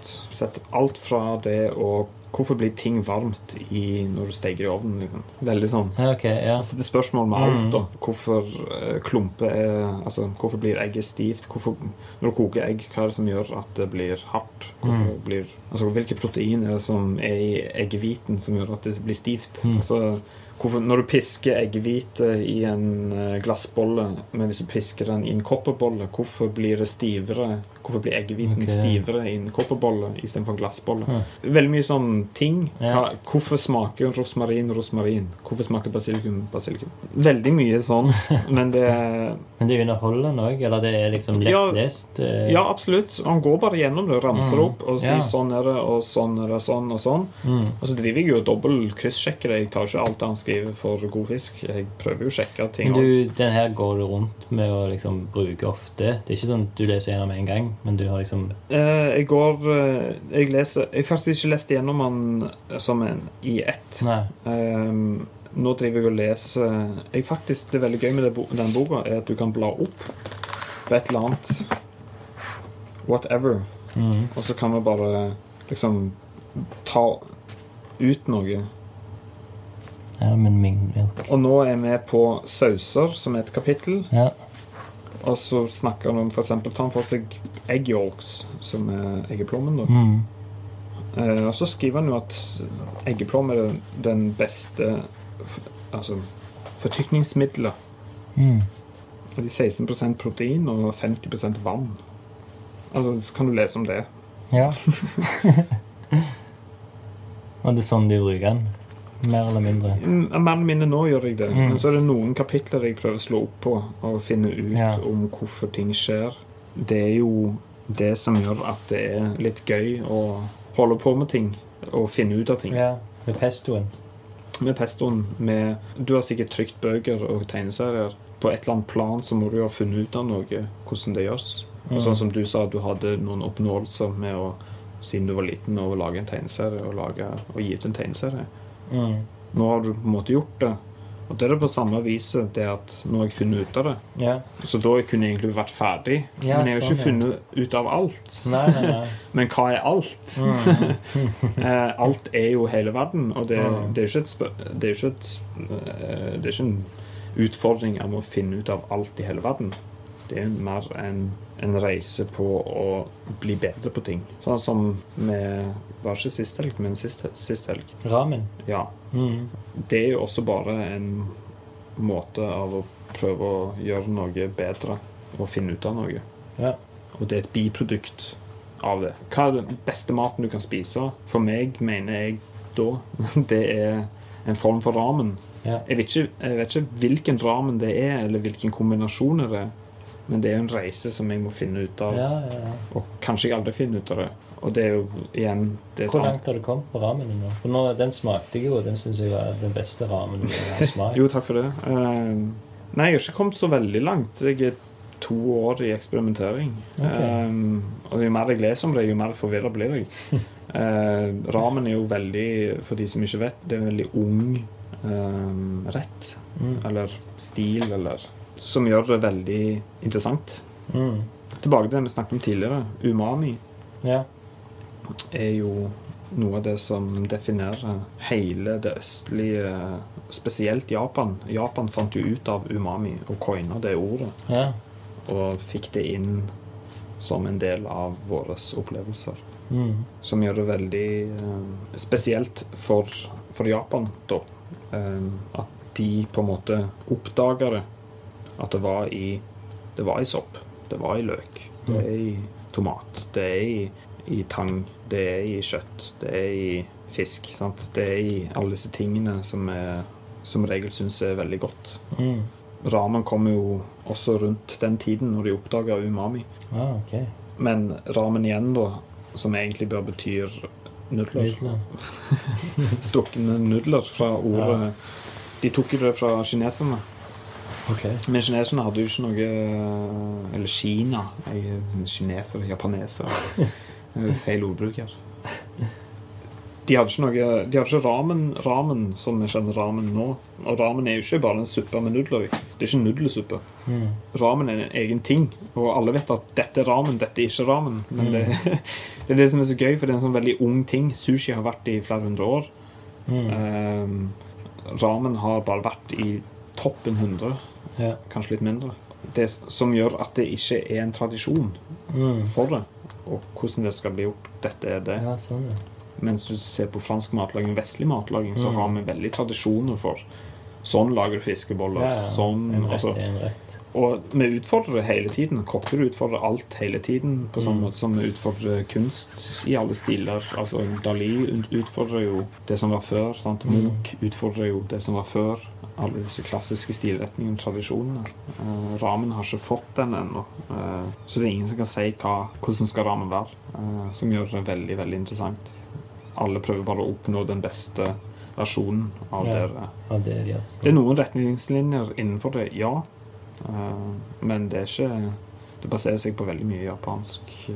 Men når du lager ramen din, er det liksom Har du smakt noe så du tenker ah, det her, noe sånt må jeg lage? Ja. Eller prøver du å vri det sånn ok, dette er bra, men jeg vil gjøre det bedre? Den er en kombinasjon. Jeg har, jeg har spist en til ramen. Jeg har dessverre ikke vært i Japan ennå. Eh, som står på to do-listen. Um, Uoppnåelig det målet. ja, uoppnåelig målet, selvfølgelig. Eh, nei, det, det handler jo bare om egentlig Jeg ble så interessert i det på grunn av at det er en ting som egentlig ingen vet hvordan det skal være. Nei. Jeg sier ikke at jeg kommer til å være med på å definere det, men eh, kanskje jeg kan gi en pekepinn om hvordan det smaker bra. Det egget du har i ramenen Ja. det er, hva er det du gjør Tenker du på konsistensen på egget, eller tenker du på hvordan egget er kokt? Eller tenker du på hva det smakte, eller tenker du på Ja, hvorfor smaker det sånn som det smakte? hvorfor det smaker sånn det, sånn det smaker? Mm. Tenker du på selve egget da? På du legger noe til? Er det noe saus oppi der? Det, av og til er det brunt. rundt på kanten Ja. av liksom Ja, altså det jo Det du fikk, var jo et pickled egg. Mhm. Eh, det vil si at egget er jo lagt i en lake av uh, forskjellige ting, som soyasaus og Ja, okay. litt sake og litt sånn forskjellige ting. Det er sake sånn oppi. Ja, altså det er en blanding av det. Ja. som det er lagt i for å liksom trekke inn smaken da i egget. Det er ikke når du koker det. det Nei, det er Nei. etterpå. Okay, Etter ja. du har kokt det. Mm. Men hvorfor egget har den konsistensen, ja, eh, og hvorfor det er sånn som det er, det er jo fordi at proteinet i egget ikke har fått koagulert skikkelig. Og det har, har jo med koketid å gjøre. Mm. Um, du har sikkert hørt om sånn sous vide-egg og sånn softboiled eggs og sånne ting, og det er jo litt av det. Um, egg har jo forskjellige temperaturer. Eggeplommen koagulerer på én temperatur. Eggehviten koagulerer på én temperatur. Mm. Men er det noe du har forska med på akkurat den eggdelen? Jo, ja, absolutt. Ja. Det er jo det er en essensiell del. Ja. Um, men det, det er jo sånn med alt man gjør. Man har jo lyst til å bli best på alle delene av det. Ja, ja, ja.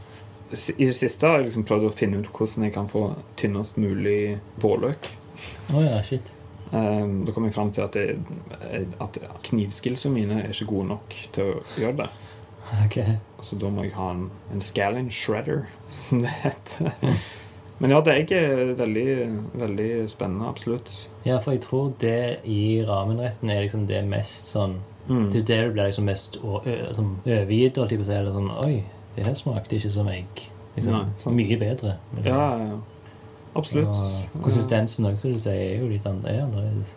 Og det er jo, det er jo en uh, sweet spot, Mm. føler jeg, da. Um, det verste jeg opplever, som jeg har opplevd flere ganger, Ja. uh, og det er jo flere Nå skal jeg ikke disse, noen i Stavanger som, som gjør dette, her, det er jo noen som gjør det.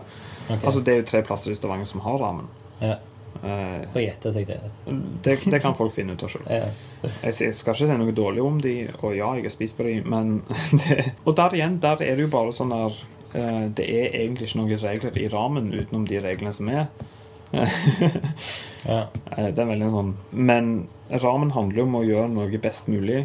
Mm. Og hvis du ikke fikser den delen, tenker jeg, den eggdelen i den en ramen, så, så har du ikke på en måte egentlig satt deg inn i det Nei. og prøvd å gjøre det best mulig. For hvis du, tar, hvis du koker ti egg ti forskjellige måter, hva smaker best i den sammenheng det skal være i? Mm.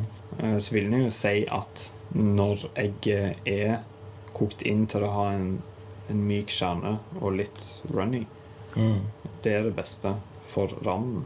Mm. Men om det er gjort på en annet vis, så kan det være at det også funker. Og så igjen, ok, hvis det er best måte å koke det på, hva kan du gjøre etterpå for å få det enda bedre? Ja. Ok, men Da kanskje du kan infuse det med et eller annet og få Mm. det til å smake enda mer. Mm. Så da kommer det den ideen hvilken lake eller hvilken smakstilsetning skal du ha det i. Og så er det å finne ut av det. Hva er ratioen på det du skal få det til å smake? Eh, den forrige forrige gangen så prøvde jeg å gjøre et eller annet med safran og egg. Okay. Og så pikle det i altså sylte det, som det heter på norsk. Mm. I, I en safranlake. Funker ikke like bra, men det hørtes veldig fancy ut, liksom. Ja, der igjen så kan du space ut på alle aspektene av den bollen. da. Jeg sier ikke at jeg er der, jeg bare sier at det, det å forstå det, da, eller prøve, prøve å forstå det, det er jo bare en, igjen prøve å finne ut av ting og bli bedre på ting. Ja, ja, du har kanskje noe å promotere før vi avslutter? Jeg har ikke så mye å promotere, egentlig. Utenom eh, 23. Kom 23. Hvis noen hører på dette, så kom 23. Eh, utenom det, eh, hvis noen liker ramen, kom og spis ramen. Jeg eh, håper på å åpne opp en ramenbar Oi.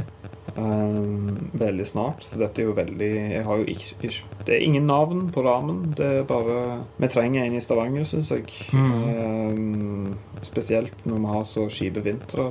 Jeg sier ikke at ramen ikke kan spises på sommeren, noe som jeg har prøvd på nå. Men folk virker som de syns det er nice. Ja. Så Det er absolutt.